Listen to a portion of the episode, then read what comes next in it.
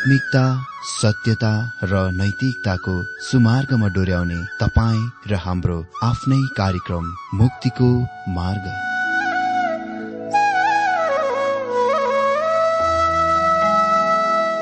आदरणीय श्रोता यस मुक्तिको मार्ग कार्यक्रममा हार्दिक स्वागत छ। आशा छ यस आत्मिक कार्यक्रमद्वारा जीवनमा आत्मिक आशिष अलौकिक शान्ति र आनन्द प्राप्त गर्नुहुनेछ। र जीवनमा धन्य अनुभव गर्नुहुनेछ।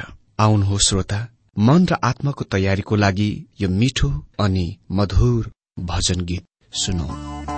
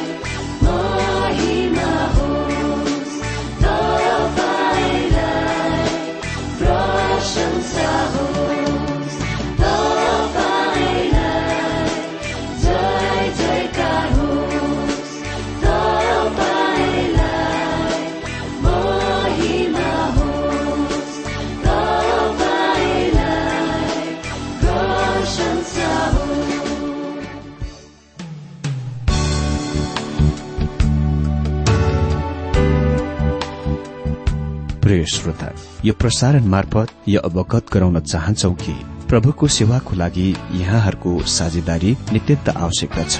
यहाँहरूले प्रार्थनाको साथसाथै आर्थिक सहायता गर्न अनुरोध गर्दछौ।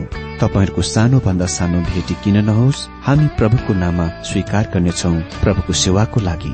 तपाईँहरूको यो सानो लगानीले कसैको जीवनमा भिन्नता ल्याउँछ? अनि प्रभुको महिमा हुन्छ। प्रभु तपाईँहरूलाई महान गरी आशिष दिनुहुनेछ। इच्छुक श्रोताहरूले तपाईँहरूको इच्छा भेटी हाम्रो ठेगानामा पठाउन सक्नुहुन्छ जुन ठेगाना हामी कार्यक्रमको अन्तमा दिनेछौं। प्रिय श्रोता मित्र प्रभु येशु ख्रिष्टको मधुर अनि सामर्थ्य नाममा मेरो जयमसी अनि हार्दिक स्वागत छ आजको यो बाइबल अध्ययन कार्यक्रममा। श्रोता अघिल्लो कार्यक्रममा हामीले पहिलो योहन्ना चार अध्यय एक पदबाट झुट्टा शिक्षकहरूको विरूद्ध चेताउने विषय अन्तर्गत बाइबल अध्ययन गरिरहेका थियौं। आज पनि यही विषयलाई निरन्तर जारी राख्नेछौ र आज हाम्रो बाइबल अध्ययनको खण्ड हुनेछ पहिलो युहान चार अध्याय दुई अनि तीन पद। सबभन्दा पहिले म पहिलो युहान चार अध्यायको एक पदलाई पाठ गरिदिन्छु। यहाँ लेखिएको छ प्रिय हो जुनसुकै आत्मालाई विश्वास नगर। तर आत्माहरू परमेश्वरबाट आएका हुन् कि होइनन् भनेर तिनको जाँच गर। किनभने धेरै झुट्टा अगमवक्ताहरू यस संसारमा निस्किआएका छन्। युहानको समयमा धेरै त्यस्ता मानिसहरू थिए जसले विभिन्न आत्माद्वारा शिक्षा दिने प्रचार गर्ने र भविष्यवाणी बोल्ने गर्थे। हाम्रो यस वर्तमान संसारमा पनि त्यस्तै धेरै कुरा हामी देख्छौ। हामीले हरेक मानिसको वचन जाँच गर्नुपर्छ। कसरी जाँच्ने? तिनीहरूको वचन बाइबलमा लेखेको वचनसँग तुलना गर्नाले हामी तिनीहरूले कुन आत्माबाट बोलेका हुन् भनेर जाँच गर्न सक्छौ। जसले म आत्माबाट बोल्छु भनेर भन्छ त्यसको कुरा हामीले सधैँ जाँच्नुपर्छ। कारण धेरै झुट्टा आत्मा र शिक्षकहरू छन् र तिनीहरू हामीलाई सधैँ ठग्न खोजिरहन्छन्। आत्माबाट बोलेका कुरा जाँच्नु भनेको वा आत्माबाट बोलेका कुरा जाँच्नु भनेको भनेर हामीले बुझ्न सक्छौ। लेखिएको छ प्रिय हो जुनसुकै आत्मालाई विश्वास नगर तर आत्माहरू परमेश्वरबाट आएका हुन् कि होइनन् भनेर तिनको जाँच गर।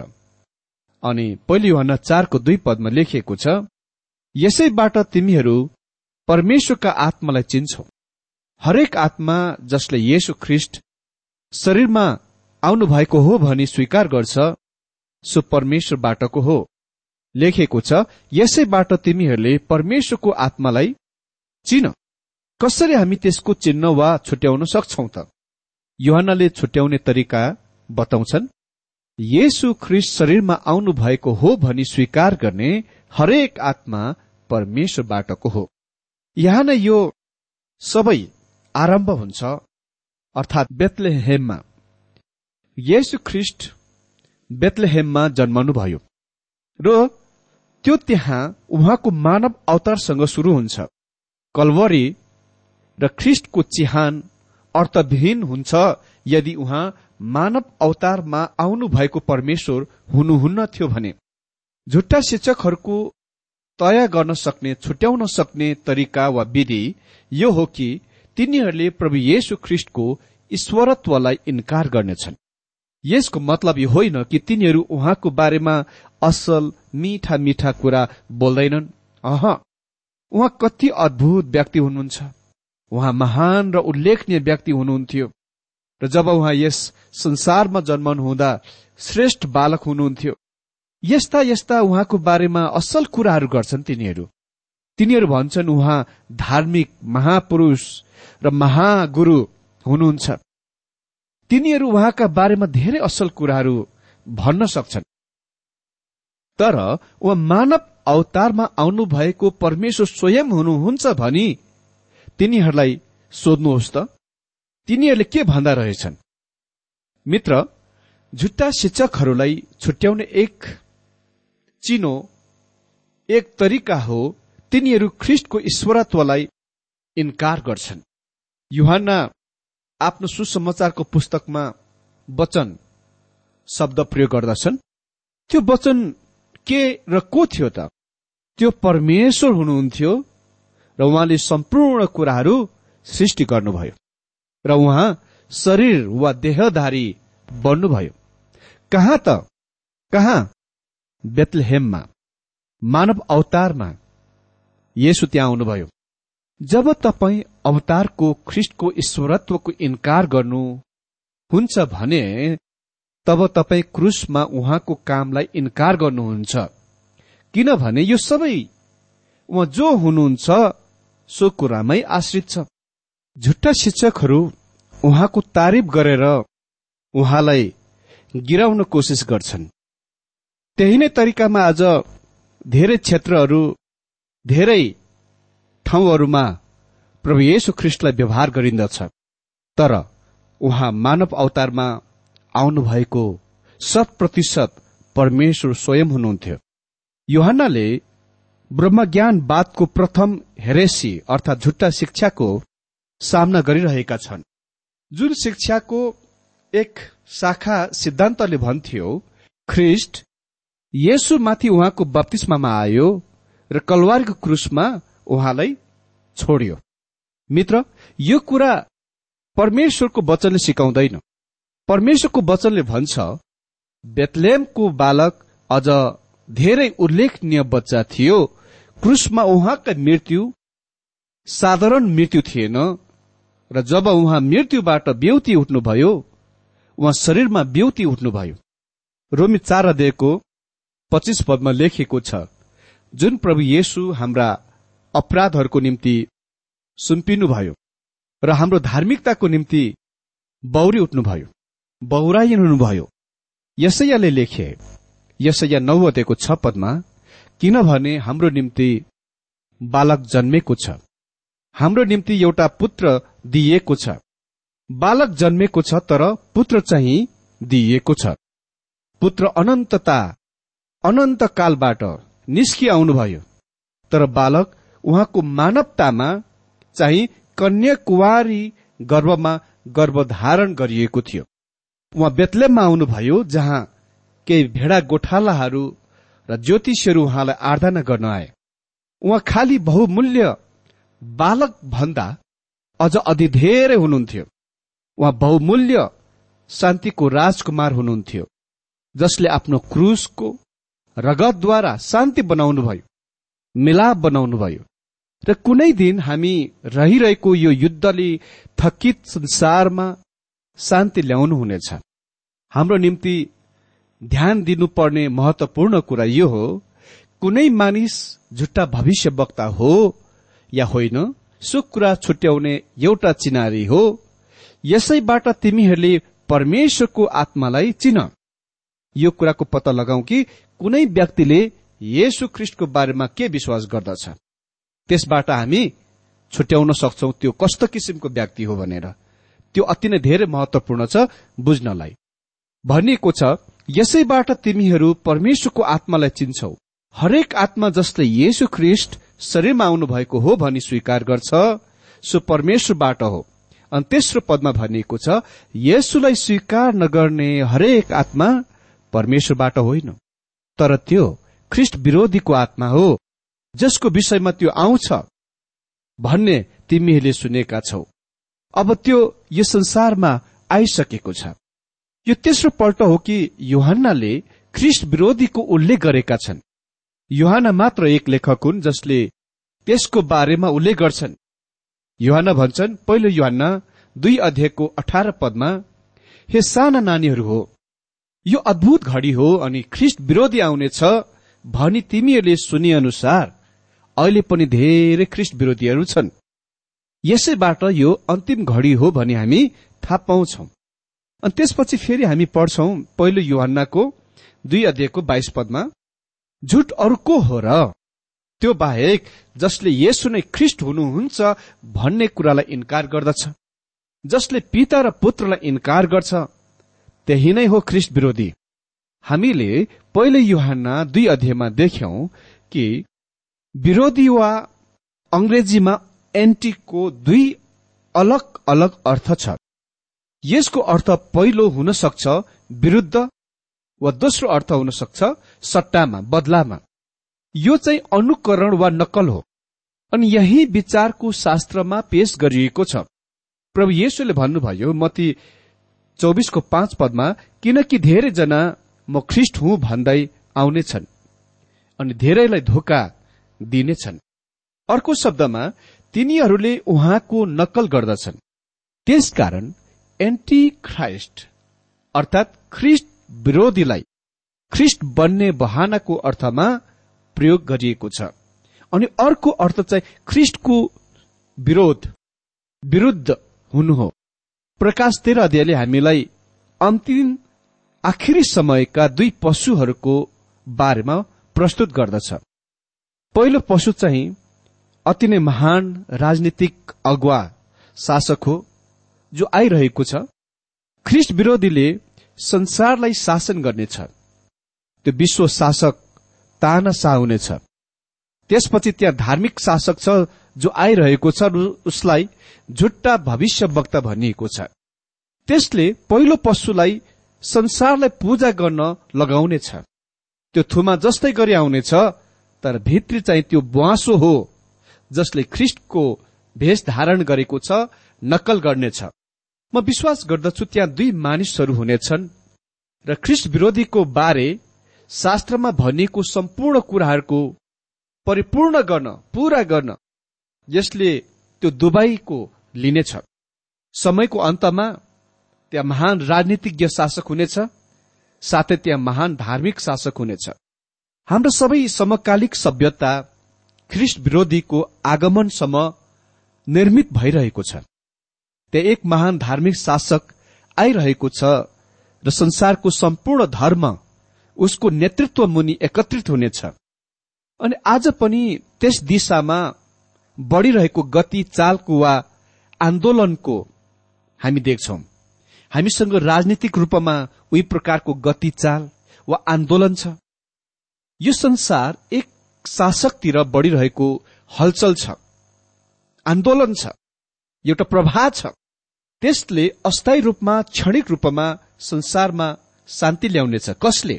ख्रिस विरोधीले तर त्यो शान्ति अति नै भयानक भयभित्र समय हुन गइरहेको छ जस्तो कि यो संसारले अहिलेसम्म कहिले पनि देखेको छैन।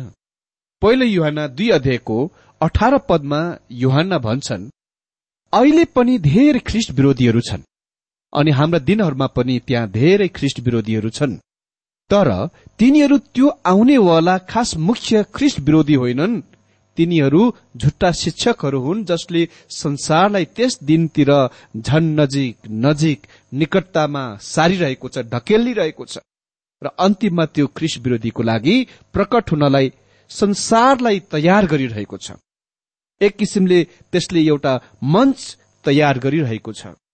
मित्र पहिले युहान एक अध्यायको चार पद चार अध्यायको छ पदहरूमा हामीसँग त्यो कुरा छ जुनलाई कोही कोहीले निक्षेप वाक्य भन्दछन्। सम्भव तिनीहरू त्यस्तो त हुन नसक्ला तर यो निश्चय नै होसियार गराउने चिन्ह र सांकेतिक लाल बत्ती हो रेड लाइट जुन युहानले यहाँ राख्दछन्। अर्थात् पहिले रोक हेर र सांकेतिक चिन्हको सुन। उसले भन्दछ प्रेमको विवेचनामा। अन्तर्दृष्टिमा र अन्तर्ज्ञानमा अभ्यास गरिनु पर्दछ हामी विश्वासीहरूलाई प्रेम गर्नुपर्छ तर हामी यस कुरामा निश्चय हुनु आवश्यक छ। विश्वासी भनाउँदा भाइहरू झुट्टा शिक्षकहरू चाहिँ नहुन्। हामीले आत्माको जाँच्नु पर्दछ किनकि त्यहाँ झुट्टा भविष्य वक्ताहरू छन् जसले झुट्टा कुराहरू सिकाइरहेका छन्। युवानाको आफ्नै दिनमा त्यहाँ त्यस्ता ब्रह्मज्ञानवाद सिद्धान्तको मान्ने व्यक्तिहरू थिए जसले ख्रिस्टको मानवतालाई इन्कार गर्दथे। र त्यसो गर्ने काममा तिनीहरूले ख्रिस्टको ईश्वरत्वको पनि इन्कार गरे।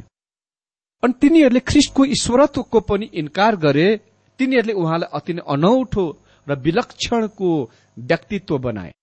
युहान भनिरहेका छन् कि परमेश्वरका सन्तानहरूलाई झुट्टा शिक्षकहरूद्वारा धोका दिनु हुँदैन। तिनीहरूलाई चिन्ने मुख्य विधि वा चिन्ह यो हो कि तिनीहरूले ख्रिस्टको मानव अवतारको इन्कार गर्दछन्।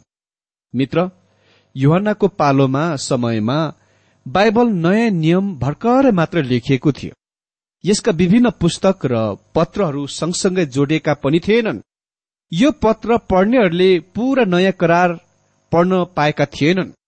त्यसकारण युहानले तिनीहरूलाई साँचा र झुट्टा आत्माहरू अर्थात साँचा र झुट्टा शिक्षकहरू छुट्याउनलाई एउटा नियम वा चिनारी दिन्छन्।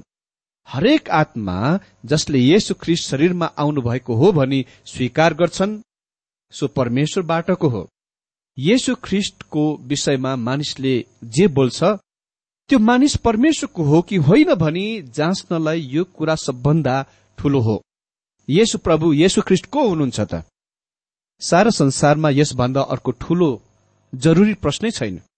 यसको जवाब यही हो येशु ख्रिस्ट परमेश्वर नै हुनुहुन्छ जो शरीरमा आउनुभयो। उहाँ परमेश्वर र मानिस दुवै हुनुहुन्छ। उहाँ कुनै मानिसभित्र पसेको र पछि त्यसबाट निस्किएर स्वर्गीयमा फर्केको आत्मा मात्र हुनुहुन्न।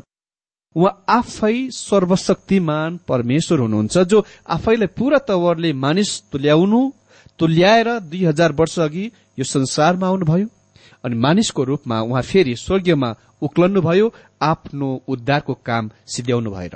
र अहिले पनि महिमित भएको उही मानिस येशु ख्रिस्ट जीवित हुनुहुन्छ र परमेश्वरको दाहिने हातमा विराजमान हुनुहुन्छ। तर जब येशु ख्रिस्ट मान्नुहुन्थ्यो जब येशु ख्रिस्ट मानिस हुनुहुन्थ्यो तब उहाँ परमेश्वर नै भइरहनुहुन्थ्यो। उहाँ शरीरमा वा मानिसको रूपमा भएको परमेश्वर हुनुहुन्थ्यो। अहिलेसम्म पनि उहाँ परमेश्वर हुनुहुन्छ। अनि कुनै मानिस कुन चाहिँ आत्मा छ झुटो कि सत्य भनी पत्ता लगाउनलाई हाम्रो एउटा सजिलो उपाय छ त्यो हो त्यस मानिससँग येसुको विषयमा सोध। बस यति मात्र अनि त्यसको जवाब अनुसार हामी थाहा पाउँछौ लेखिएको छ प्रिय हो जुनसुकै आत्मालाई विश्वास नगर तर आत्माहरू परमेश्वरबाट आएका हुन् कि होइनन् भनेर तिनको जाँच गर। किनभने धेरै झुट्टा अगम वक्ताहरू यस संसारमा निस्किआएका छन्। यसैबाट तिमीहरू परमेश्वरको आत्मालाई चिन्छौ। हरेक आत्मा जसले येशु ख्रिस्ट शरीरमा आउनु भएको हो भनी स्वीकार गर्छ सो परमेश्वरबाट हो। येशुलाई स्वीकार नगर्ने हरेक आत्मा परमेश्वरबाट होइन तर त्यो ख्रिस्ट विरोधीको आत्मा हो जसको विषयमा त्यो आउँछ भन्ने तिमीहरूले सुनेका छौ। अब त्यो यस संसारमा आइसकेका छ। परमेश्वरले आजको यो बाइबल अध्ययनद्वारा हरेकलाई धेरै धेरै आशिष दिनुभएको होस्।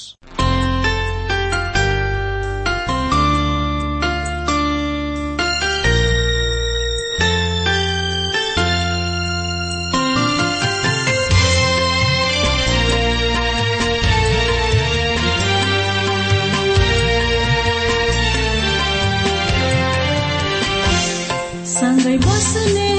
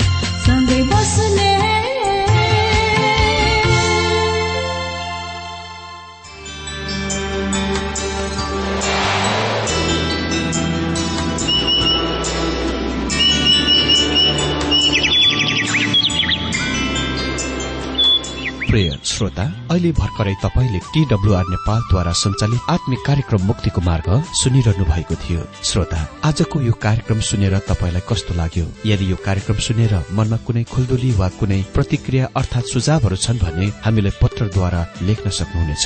हामी हृदयदेखि नै स्वागत गर्नेछौ स्वीकार गर्नेछौ साथै बाइबल सम्बन्धित प्रचारहरू कार्यक्रम सारणीहरू हामी अनुरोधमा पठाउन सक्छौ। अनि तपाईँसँग कुनै प्रार्थनाको विषय छन् भने हामीले तपाईँको लागि प्रार्थना गरेको चाहनुहुन्छ भने प्रभुमा आफ्नै परिवार सम्झेर हामीलाई पत्रमा लेख्न सक्नुहुनेछ। तपाईँको लागि हामी प्रभु येशुसँग प्रार्थना गर्नेछौ। अधिक जानकारी र पत्रचारको लागि हाम्रो ठेगाना यस प्रकार छ।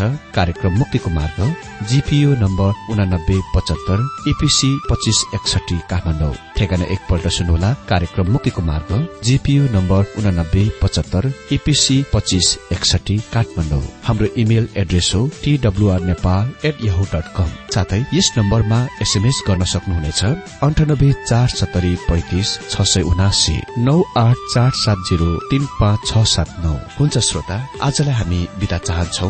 अर्को कार्यक्रममा हामी पुनः भेट्नेछौ तबसम्मलाई नमस्कार।